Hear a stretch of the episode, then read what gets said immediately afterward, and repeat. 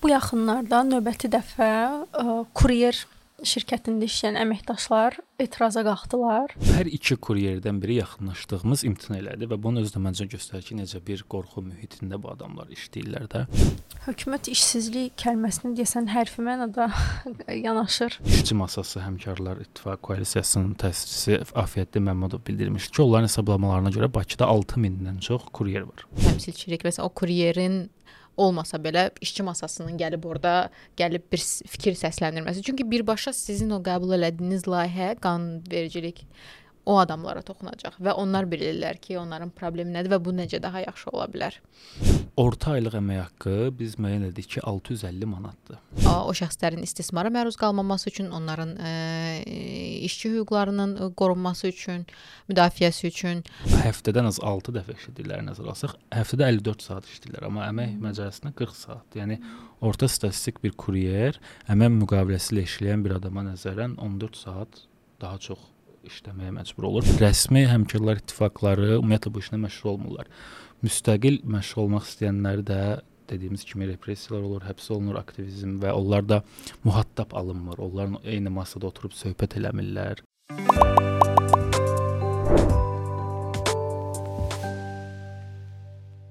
Birinci etirazda düzdür məsələ onların onlara verilən ə, məvacibin az olması idi, çatdırılma haqqının aşağı olması və onlar tələb edirlər ki, ə, hər çatdırılma üçün minimal məbləğ artırılmalıdır. Amma bu dəfəki etirazları isə biraz fərqli etiraz oldu. Onlar ə, istifadə etdikləri nəqliyyat vasitəsinin el arasında biz ona moped deyirik, amma indi müəyyənləşdirəcəyik ki, danışıqda ümumiyyətlə bu mopeddirmi, yoxsa bunun adı başqadır. Təbii ki, indi yol hərəkəti haqqında qanunda moped də var, amma moped nədir? Ə, onun sürət həddi, ə, kub həcmi nə qədər olmalıdır və s. onların istifadə etdikləri nə qədərdir və s. bunlardan danışacağıq.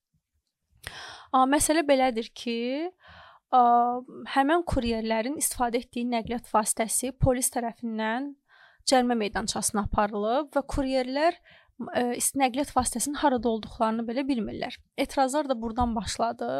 Ümumiyyətlə son bir neçə ildə artıq mototsikllər, velosipedlər, kuryerlər Bakı küçələrinin bir simasına çevrilibdir. Biz hər yerdə kuryerləri görə bilirik və istifadə edənlərin də sayı artır. Məncə buna görədir ki, bazarda çoxlu yeni şirkətlər var. Hətta qlobal korporasiyalara yanaşı yerli Azərbaycan şirkətləri də var ki, bu bazardan pay almağa çalışırlar və məncə bu onu göstərir ki, bu bazara kifayət qədər böyük tələbat var. Xüsusilə pandemiya dövründə həmin bazar çox böyük inkişaf elədi. Mən bilmirdim yerlini. Var, amma çox vaxt rəqabətə davam gətirə bilmirlər. Hmm. Bəziləri çox, çox tez sıradan çıxır, amma bəziləri kiçik də olsa payları qalmaqdadır. Bu şirkətlərin bazara girməsi məsələn iqtisadi olaraq yeni bir dövriyyənin artımına səbəb olur. Amma mənə elə gəlir ki, platforma işçilərinin də ortaya çıxması Sadəcə burada belə deyək, bəlkə də qıraqdan baxanda biz düşünürük ki, hə, əvvəl kimsə gedib restoranda yemək yeyirdi, indi hansısa kuryer onu gətirir və yəqin ki, burada ə, qazanan sadəcə kuryerdir, çünki ortadakı fərqi o alır. Amma ə, işçi perspektivindən və işə götürən perspektivindən baxanda burada itirənlər kuryerlər olur. Çünki satış edən adam öz gəlirinin bir hissəsini həmin o şirkətlərə ödəyir, çünki həmin platforma vasitəsilə o sifariş qəbul edibdir. Və arada itirdiyi fərqi də mənə gəlir daha çox həmin o kuryerlərin hesabına, onların gəlirlərini azaldaraq bir hissəsini kompensasiya eləmək istəyir. Yəni mən solçu deyiləm, amma biraz ədalətli danışsaq, burada biraz o kapitalizmin pis üzünü biz görə bilirik. Amma bunu da təbii ki, ə, tək həlli yolu fəhlələrin inqilabı deyil hüquqi olaraq da bunu tənzimləmək olar. Də yəqin siz hüquqşünas olaraq bunu daha çox eşidirsiniz. Azərbaycanda belə bir klişe ifadə var da, bizim çox gözəl qanunlarımız var, amma işləmir də, amma ideal bir qanunvericiliyimiz var. Amma mən məsələn hüquqşünas deyiləm, amma iqtisadçı olaraq iqtisadi qanunvericiliyindən az çox tanışam. Mən isə bir 10 dənə iqtisadi qanun sayıram ki, bu olmalıdır yoxdur və yaxud var çox ciddi problemlərdir. Bax buna məncə kuryerlərin həm əmək hüquqları perspektivindən, həm də ümumiyyətlə o gəlirlərinin tənzimlənməsi baxımından bizim qanunvericiliyimiz yetərli deyil deyə, o boşluqlar var deyə, o işə götürənlər və yaxud bu platforma şirkətlər bu boşluqlardan istifadə eləyərək ə, nələrsə eləyə bilirlər. Ona görə məncə məsələnin həlli təkmil keyfiyyətli bir qanunvericilik bazasının yaradılmağından keçir ki, düzdür, bununla bağlı məncə dünyanın hər yerində müzakirələr gedir ki, bu işçilər əmək müqaviləsinə mi daha çox uyğundurlar, xidməti müqaviləmi? Bəziləri deyir ki, ümumiyyətlə üçüncü bir ə, əmək münasibətlərinin forması olmalıdır, nə ə, əmək müqaviləsi, nə xidməti ayrıca bir ə, kuryerlərlə və yaxud platforma işçilərinə bağlı bir şey. Amma bu bazara məncə hökumətin çox toxunmamasının səbəblərindən biri də odur ki, son illərdə Azərbaycan hökuməti tez-tez bu ağardılma məsələlərindən danışır və bu ə, məsələn şirkətlərin, mobil tətbiqlərin populyarlaşması məcbur həmin o restoranların öz real dövriyyələrini bəyan etməsinə gətirib çıxarır. Çünki artıq o kart üzərindən keçdiyi üçün onlar onu belə desək fırlada bilmirlər. Onun vergisini ödəmədilər. Məncə ona görə hökumət bu tərəfdən maraqlıdır ki, həmin o şirkətlərin ə, xidmətlərinin dövriyyələrini bilsin və həmin şirkətlər düzdür. İctimaiyyətə hesabatlıq təqdim etmirlər. Yaxşı, biz onların hesabatını görmürük, amma təbii ki, hökumət bunu görür. Ən az o vergi münasibətlər var. Baxımdan məncə ə, hökumətin marağının olması ki, bu ə, rəsmi gəlirlər olsun, o şirkətlərə biraz rahatlıq verir ki, fəaliyyətlərini genişləndirsinlər. Digər tərəfindən qanunvericilikdə boşluqlar var deyə həmin o işə götürənlər bundan faydalana bilər. Bu məsələ ilə bağlı biz bir neçə ay əvvəl Toğrul Vəliyevlə birlikdə bir araşdırma eləmişdik və biz çalışdıq ki, bu araşdırma məqsədi problemin həllərindən həll səbəblərindən çox biz istəyirik tapaq görək orta statistik kuryerin sosial profili nədir? Bu adamlar nə qədər qazanır, nə qədər işləyirlər? Və biz təxminən 120 kuryerlə üzbəüz sorğu keçirdik. Yəni onlayn yox, bizim ə, dostlarımız getdilər, onlarla üzbəüz sorğu keçirdilər və ən maraqlısı nə idi? Biz əslində birinci daha optimist idik ki, bəlkə 500 nəfərlə bu sorğunu eləyərik və bizim ə, araşdırmaya görə, daha doğrusu bunu bizə ə, işçi masası həmkarlar İttifaq koalisiyasının təsisçisi Afiyətli Məmmədov bildirmişdi ki, onların hesablamalarına görə Bakıda 6000-dən çox kuryer var. Və yəqin ki, bu sayı durmadan artır. Və bizim dostlar təxminən 250-300-ə yaxın kuryerə yaxınlaşdılar. Bunların cəmi 118 nəfəri bizim sorğuda iştirak etməyə razılıq verdilər. Nəyə görə? Bunun bir kiçik bir hissəsi o idi ki, məsələn, sorğu anında sifariş gəlirdi və yaxud da bilirdi ki, ona yeni sifariş gələcək və gəlirdən məhrum olmamaq üçün, amma 80%-i qorxurdu. Yəni düzdür, bunu belə ifadə etmirlər, amma deyirdilər ki, hansısa problemlər yaşayan, halbuki bir anonim sorğu idi. Biz heç onların adını soruşmurduq. Sadəcə fəaliyyəti ilə bağlı sorğu verildi ki, və deyirdi bu akademik bir məqalə yazmaq istəyirdi. Yəni qorxulu bir şey yox idi. Sizə bunun özü də göstərir ki, qeyd elədiniz bayaq İndiyənə qədər bir neçə dəfə onlar boykot eləmişdilər və s.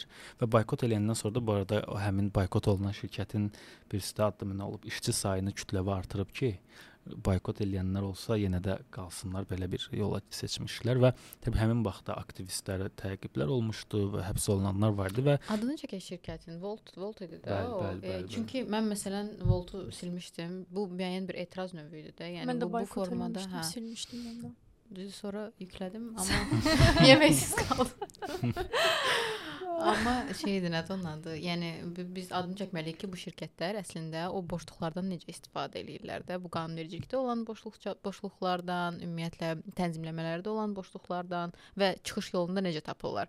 Ümumiyyətlə bu biraz mövzudan kənar olacaq, amma o cür şirkətlərdə olan hüquqşünaslar, mən dövlət qurumlarında da işləmişəm deyə, özəldə də işləmişəm, beynəlxalqda da işləmişəm deyə 3 tip hüquqşünas var da. Dövlətdə işləyənlər deyir ki, qanun qoymur eləmirik.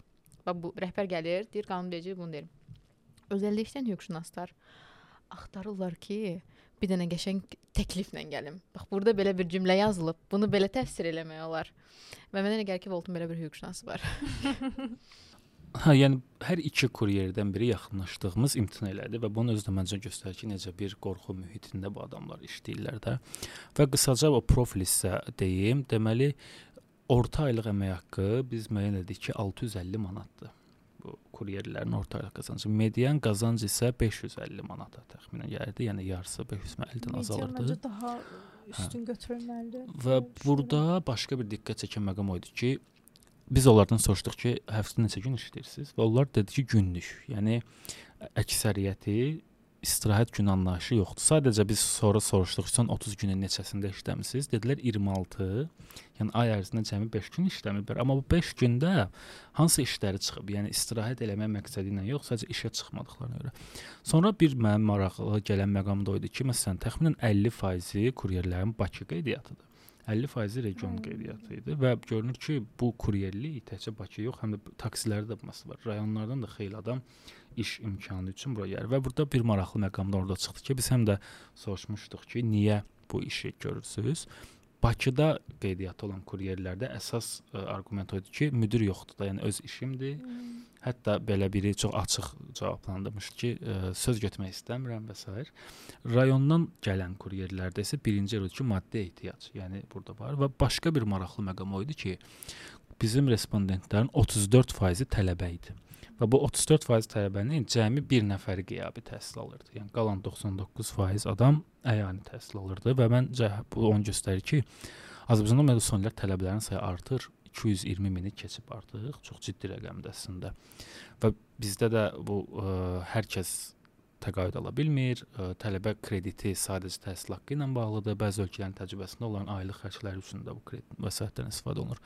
Və mən burdan da onu kəşf etdim ki, tələbələr arasında çox ciddi sosio-iqtisadi problem var. Ona görə kuryerlərin təxminən 3/4-ni tələbələr təşkil edirdi və əksəriyyət universitet və təbii ki, orta ixtisas peşə məktəblərində oxuyanlar da var idi. Neçə faizi tələbədir? 34 bizim respondentlərin 34 faiz. Onda belə çıxır ki, 34 faiz az rəqəm deyil. deyil Demək ki, bu tələbələr 8 saatdan daha az işləyirlər. Çünki hə, onlar gün ərzində işdə olur. 4-6 saat işləyirdilər. 4-6 saat. Biz iş saatı ilə bağlı ə, məlum oldu ki, orta günlük, yəni bu part-time-la birlikdə ortalama 9 saatdır.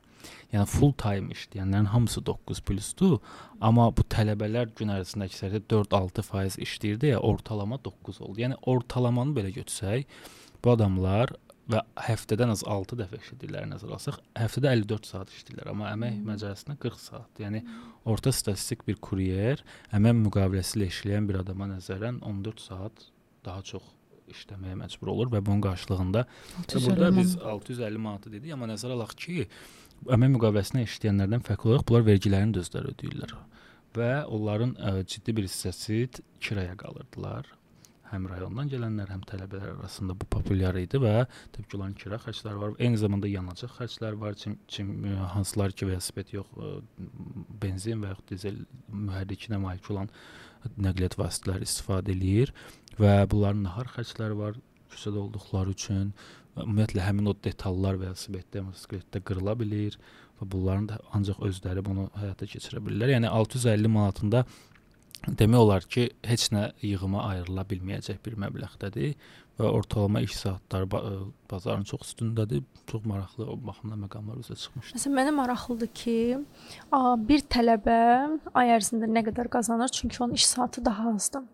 Təxminən 300-400 manat arasında. 300-400, amma 9 saat plus işləyənlərin Var idi. Gəliri... Məsələn, bir hissəsi 1000-1200 intervalında olan maksimum 1600-1700 manat var, amma 1-2 nəfər idi. Amma o çoxluq deyə biləcəyimiz ən yüksək qrupda 1000-1200 intervalı idi. Və bir mənim diqqətimi çəkən də məqam oldu ki, biz soruşduq ki, siz bu işə müvəqqəti iş kimi baxırsınız, yoxsa daimi iş kimi? Əksəriyyət buna müvəqqəti iş kimi baxırdı və yaxud deyirdi ki, müvəqqəti iş kimi baxmıram, amma başqa iş imkanı çıxsa işimi dəyişirəm. Amma biz həmin adamların stajına baxırıq ki, bir neçə ildə artıq işləyirlər. Yəni görünür ki, çoxu bu sahəyə müvəqqəti biraz işləyim, pul yığım, başqa yerə gedərəm perspektivinə gəlir. Amma sonra ilişib qalırlar və daimiyə çevirir. Yəni adam 3 il, 4 ildir bu sahədə işləyir, amma deyir ki, mən buna müvəqqəti iş kimi baxıram. Çünki burada yəqin onun başqa iş yeri tapmaq şansı da olmur, təhsili ilə əlaqədar və s. Yəni onun üçün müvəqqəti çünki fikirləşir ki, hər an iş tapsam çıxa bilərəm, amma yəni bu məşğulluq məsələsində həm taksilər, həm kuryerlər həqiqətən əhalinin böyük bir hissəsi üçün qazanc mənbəyinə çevrilib. Nə qədər özləri də müvəqqəti desələr də başqa alternativ iş tapmaq hal-hazırda çətindir. Yəni, yəni işsizlik real bir problemdir Azərbaycanda. Yəni belə deyim də sizə, Azərbaycanda 5 milyon 300 min iqtisadi fəal əhali var. Yəni 16-65 yaş arası hərbi xidmətdə olmayan, əyani təhsil almayan, əlilliyi olmayan, sırf işləməyə hazır insanlar. Bunun cəmi 1 milyon 700 mini əmək müqaviləsindən çalışır. Yəni 30% hmm. cəmi. Məsələn, inkişaf etmiş ölkələrdə e, muzla işləyənlərin, yəni əmək müqaviləsi ilə işləyənlərin iqtisadi fəal əhaliyə nisbəti 80-90%-dir PSV ölkələrinə, region ölkələrində bu 60-70%-dir. Azərbaycanda cəmi 30%-dir. Düz bunun bir səbəbi hökumət tez-tez deyir ki, kölgə iqtisadiyyatıdır. Çünki insanların bir hissəsi rəsmi işləmir, amma onu belə qatsaq, yenə bizdə problem odur ki, iş yerlərinin sayı da azdır. Amma buna baxmayaraq Azərbaycanda işsizlik 5-6% çıxır. Niyə çıxır? Çünki bunu əslində yalan demirlər, sadəcə manipulyattiv deyirlər. Məsələn bizim əmək məcəlləmizdə maraqlı bir maddə var ki, əgər sənin pay torpağın varsa, sən o torpağı əksən də, əkməsən də sən işsiz deyilsən. Adında torpaq var. Torpaq islahatı vaxtında regionlarda xeyli adama pay torpağı verilmiş, amma heç kim araşdırmır ki, o pay torpaqları doğrudan istifadə olunur yoxsa yox və yaxud bəzi hallarda həmin o pay torpağının sahəsi o qədər kiçik olur ki, sən onu istifadə etsən belə aylıq minimum əmək haqqı qədər belə oradan pul götürə bilməzsən də və 1 milyon 900 min adam sırf o pay torpağına görə işsiz deyil və biz bilmirik onların nə qədəri doğrudan da işsizdir yoxsa yox. Bir hissəsi burdan azalır işsizlərin. Bir hissəsi VN olanlardır. 1 milyondan bir qədər çox adamdır. Siz aktiv qeyri-aktiv 5 il əvvəl VN açmısınız, bir dəfə ödəniş almısınız, bu gün heç nə yoxdur, siz yenə işsiz sayılmırsınız. Bir də evdar qadın məsələsi var. 700 min evdar qadın. Yəni bizim hökumət Əgər qadın evlidirsə və işləmirsə, onu işsiz saymır. O evdar qadındır və bu da iqtisadi qeyri-fəal əhali sayılır, işsiz saymır. Ona görə məncə bu üç kateqoriyanı biz real araşdırsaq, yəni ümumiyyətlə biz işsizlik, məşğulluq problemini həll etmək istəyiriksə, birinci üzləşməliyik ki, bizdə reallıq nədir, data nədir? Çünki siyasət, iqtisadi siyasət necədir? Sən baxırsan ki, burada bir problem var. Desən mən buna həll yolu deyim. Sən deyirsən ki, mənim işsizliyim 6%-dir. Sənin məşğulluq siyasətində 6%lıq işsizliyə görə qurulur. Amma sən üzləşsən ki, səndə işsizlik məsələn 26%dir. Sənin məşğulluq siyasətində ona uyğun olacaq. Ona görə bu problemin bir həlli məncə biz reallıqla üzləşməliyik ki, hə bizdə nə qədər işsizlik var, bizdə nə qədər yoxsul var. Bunlarla hökumət üzləşmədən onun ə, iqtisadi siyasət mexanizmləri də effektiv ola bilməz. Hökumət işsizlik kəlməsini desən hərfi mənada yanaşır ki, qadın evdar qadın evdə işləyirsə, demək ki, bu işsiz deyil də, bunun artıq bir işi var və yaxud da torpağı varsa, demək ki, bütün gün orada əkib becərir və yaxud da maldarlıqla məşğul olur, bilmirəm nə. Razıyam üzləşmək məsələsi. Mən düşünürəm ki, həm də burada bilmirəm, hökumət özü özünü aldadır, yoxsa ə, bayaq sənin də dediyin kimi bu insanların manipulyasiya variantıdır. Mənə elə gəlir bu biraz sovet irsidir, homo sovetius dediyimiz məmurlar Məsələn, mənim müşahidələrim budur ki, o köhnə nəsil məmurlar ümumiyyətlə problem olduğunu qəbul etmirlər. Onların düşüncə tərzində hər hansı bir problem ola bilməz. Yeni nəsil gənc məmurlarda belə bir arqument var ki, mənim müşahidəm budur ki, onlar deyir, hə, bizdə bu problemlər var, amma bunun səbəbi xalqdır. Tam xalqın təhsil səviyyəsi aşağıdır, xalqın nə bilim adət-ənənəsi belədir. Yeni nəsil məmurlar onları qəbul edir, amma səbəbini düz yerdə tapmır da. Məncə amma o yaşlı nəsillərdə əsas ki, o problem ola bilməz. Çünki Sovet ənənəsidir. Yəni biz ideal dövlətik. Bizdə heç bir problem. Amma burada yəni utanılacaq şey yoxdur. Dövlətin onsuz da var olma mahiyyəti vətəndaşın təhlükəsizliyini və rifahını qorumaqda. Bunun fəlsəfəsi budur. İnsanlar niyə dövlət qurdular? Tayfa kimi yaşayırdılar da özləri üçün. Sonra öz gəlirlərini, öz azadlıqlarının bir hissəsini onlara verdilər ki, hə sən məni həbs eləyə bilərsən, məni döyüşə apara bilərsən, amma mənə bunları təmin et. Ona görə onlarla üzləşməsək mümkün deyil kəllidir. Elədir. O problemləri dilə gətirənlərlə bağlı istəyirəm bir daha danışaq ki, məsələn təkcə Azərbaycanda yox da xaricdə də bu problemlərlə e, üzləşdi bir çox dövlətlər. Çünki heç kəs gözləmirdi ki, bu məsələn pandemiya da yəqin təsir oldu kuryerlərin işinin artmağına, bu şirkətlərin sayının artmağına. Bu ə, etirazların ən müsbət, yəni göstəriciləri, nəticələri daha doğru desək də, ə, xarici ölkələrdə hansısa nümunələr varsa, məsələn, mənim özümün maraqlandığımdan ə, bu yekun nəticədə norma normativlər, tənzimləmələr qəbul olundu ki, müəyyən kateqoriyalara əgər uyğun gəlirsə, onlarla əmək müqaviləsi bağlanmalıdır və şirkətlər də bunlarla üzləşməlidir. Ə, bizdə nəticələrini bilirik aşağı-yuxarı, amma məsələn uğurlu nümunələr nə ola bilər? Yəni bunu necə qurmalıdılar? Mən sözün açıq çox istərdim ki, bu Uber, Wolt və s. bu bu kimi şirkətlər özləri də məsuliyyətini dərk eləsin, amma bir reallıq görürəm ki, əgər tənzimləmə olmasa, yəni tamamilə öz öz başına hə, olacaq. tamamilə öz maraqlarını güdən, yəqin ki, bu təkcə on, o şirkətlərə aid deyil, ümumiyyətlə istənilən bir şirkətdə, yəni bir boşluq olanda bir ilkin olaraq, yəni iqtisadi maraqdır da orada. Yəni mənim iqtisadi maraqlar maraqlarımı güdürəm. Yəni sual sualım odur ki, bu etirazlar, etirazlar olmalıdırmı? Olursa nəticəsi necə olmalıdır? Yəni Mənə gəlir xarici təcrübədə də məsələn və ümumiyyətlə problemin həlli baxımından mən Türkiyədə təhsil alanda bunu əyani şahid olmuşdum. Azərbaycanda ən böyük çağırışlardan biri odur ki, bizdə həmkarlar ittifaqı institutu yoxdur. O dövlət idarələrində və sər var, hansı ki ə, işçilərin əmək haqqından hansısa faizlər ora gedir, amma onlar sadəcə hansısa kurort bölgələrinə göndəriş verməklə gündəmə gəlir. Amma həmkarlar ittifaqı nə olmam belə görürəm ki, həmkarlar ittifaqı bu peşənin problemini araşdırmalıdır ki, məsələn, işçi hüquqları ilə bağlı problem və hansısa texnologiya çıxır. Bu bizim işimizi əlimizdən ala bilərmi? Biz necə fəaliyyətimizi dəyişməliyik? Yəni bir növ beyin mərkəzi rolunu da oynamalıdır və insanların əməklərini müdafiə edən bir ə, hüquq müdafiəçisi rolunu da oynamalıdır. Bizdə o çox ciddi problemdir. Çünki rəsmi həmkarlar ittifaqları ümumiyyətlə bu işlə məşğul olmurlar. Müstəqil məşğul olmaq istəyənləri də dediyimiz kimi repressiyalar olur, həbs olunur aktivizm və onlar da mühattab alınmır. Onlarla eyni masada oturub söhbət eləmirlər. Ona görə mən düşünürəm ki, məsələn, qanunvericilik bazasının yaxşılaşdırılması problemin həlli olmaya bilər. Çünki onun həm də bir işləhliyini təmin etmək lazımdır da.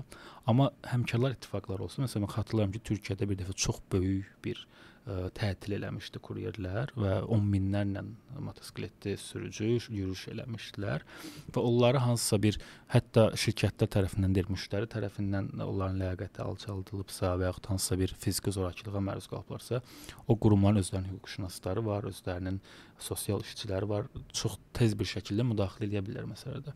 O baxımdan məncə bu qanunverici tərəfindən yanaşı bizdə hökumət də, vətəndaş cəmiyyəti də bu həmkarlar ittifaqı institutunu təkmilləşdirməlidir ki, onlar da məsələyə müdaxilə edə bilsinlər. Bir də məncə qanun qəbul edəndə bunun effektiv olması üçün əsas şərt iştirakçılıqdır.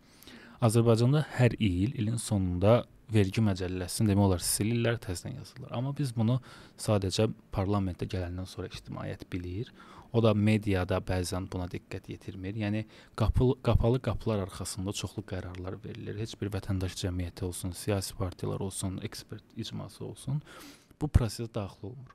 Ona görə məncə hökumət bu tənzimləmələrin, hətta xoş niyyətli elədiyi tənzimləmələrin də effektivliyini artırmaq istəyirsə, mütləq şəkildə o iştirakçılığı təmin etməlidir ki, bu maraq qrupları gəlsinlər və özlərini ifadə etsinlər ki, bax bizim problemimiz budur, bizim təklifimiz budur. Amma təəssüflər olsun ki, bizdə bu tip qərarlar çox dar çevrələrdə qəbul olunur. Ona görə də çoxlu suallar ortaya çıxır və bunlar həll olunmadan məncə qanunvericiliyi biz ideal səviyyədə gətirsək, yenə problemlər qalacaq. Elə də təmsilçilik çox vacibdir. Mən əvvəl fikirləşirdim ki, bu sadəcə nəzəriyyədə belə, yəni məsələn də istənilən bir sahədə talımda bir layihə qəbul olunur. Deyirlər ki, o bir nəfər, iki nəfər, fərqli-fərqli mövqelərdə olan şəxslər gəlsinlər. Mən düşünürdüm ki, nəyə ehtiyac var da? Yəni əgər o sahənin ixtisaslaşmış bir adam varsa. Amma şəxsən mən onu öz təcrübəmdə e, gördüm ki, bir layihə icra edəndə bir neçə şəxs məndə də daxil olmaq qərar verici idik. Regionlarda baş verən məsələlərlə bağlı. Və biz verdiyimiz qərarları məntiqlə verirdik ki, belə olmalıdır. Bir müddət keçəndən sonra biz onların yerində olanda, onların ə, qarşılaşdığı situasiyalarla qarşılaşanda mən gördüm ki, mən ümumiyyətlə qərar verə bilməzdim o situasiyada olmamış. Ona görə yəni o təmsilçilik və o kuryerin olmasa belə işçi masasının gəlib orada gəlib bir fikir səsləndirməsi. Çünki birbaşa sizin o qəbul elədiyiniz layihə qanunvericilik o adamlara toxunacaq və onlar bilirlər ki, onların problemi nədir və bu necə daha yaxşı ola bilər. Bayaqki məsələyə də toxunaq. Başlanğıcda qeyd elədiyimiz hansı ki, bu kuryerlərin son etiraz məsələsi ki, onların nəqliyyat vasitələri əllərindən alınır. Və hansı cərimə meydançasına aparılıb onlardan belə xəbərlər yoxdur. Hətta görüntülərdən də gördük ki, sosial mediada ki, onlar ə, Daxili İşlər Nazirliyinin səfərməməsi qarşısında etirazlarını da bildiriblər. Ə, hətta orada bir şortik məsələsi də var idi. Şortiklə olduqlarına görə ə, binaya buraxılmırdılar. Bu Yəni bu, bu da bu da bir... bağlı ayrıca bir podkast çəkərik. Bundan da şortiklə bazara gedərlər.